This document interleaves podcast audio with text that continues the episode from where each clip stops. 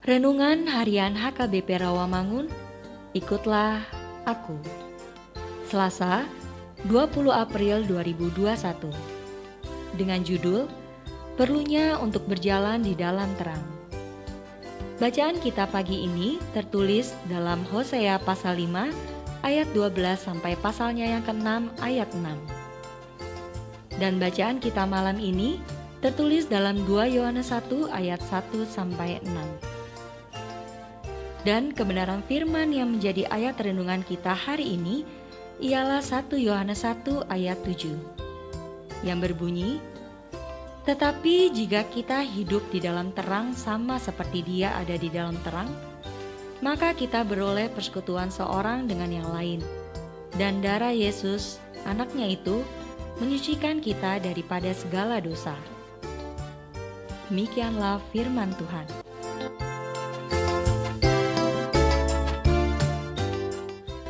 Berkata, Engkau akan menjadi kudus, oleh karena aku Tuhanmu adalah kudus. Ia yang ingin mendapatkan persekutuan dengan Allah seharusnya tetap mematukan diri dengan kehidupan yang baik yang mampu merefleksikan segala kebaikan Allah. Agama yang sejati adalah agama yang membawa seseorang makin dekat, baik terhadap sesanya, sesamanya maupun terhadap Allah.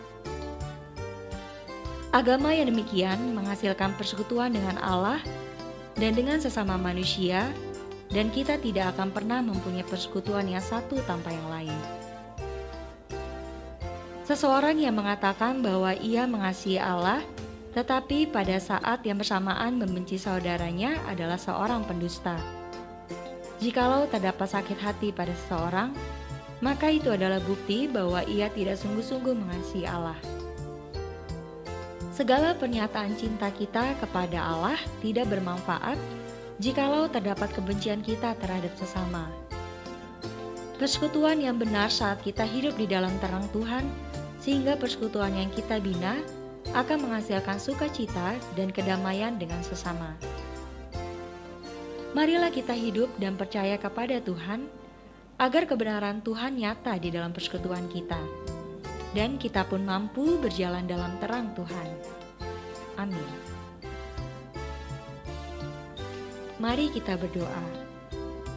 Ya Tuhan, ajar kami lebih mengenalmu, agar kami dapat selalu berjalan di dalam terang Tuhan. Amin.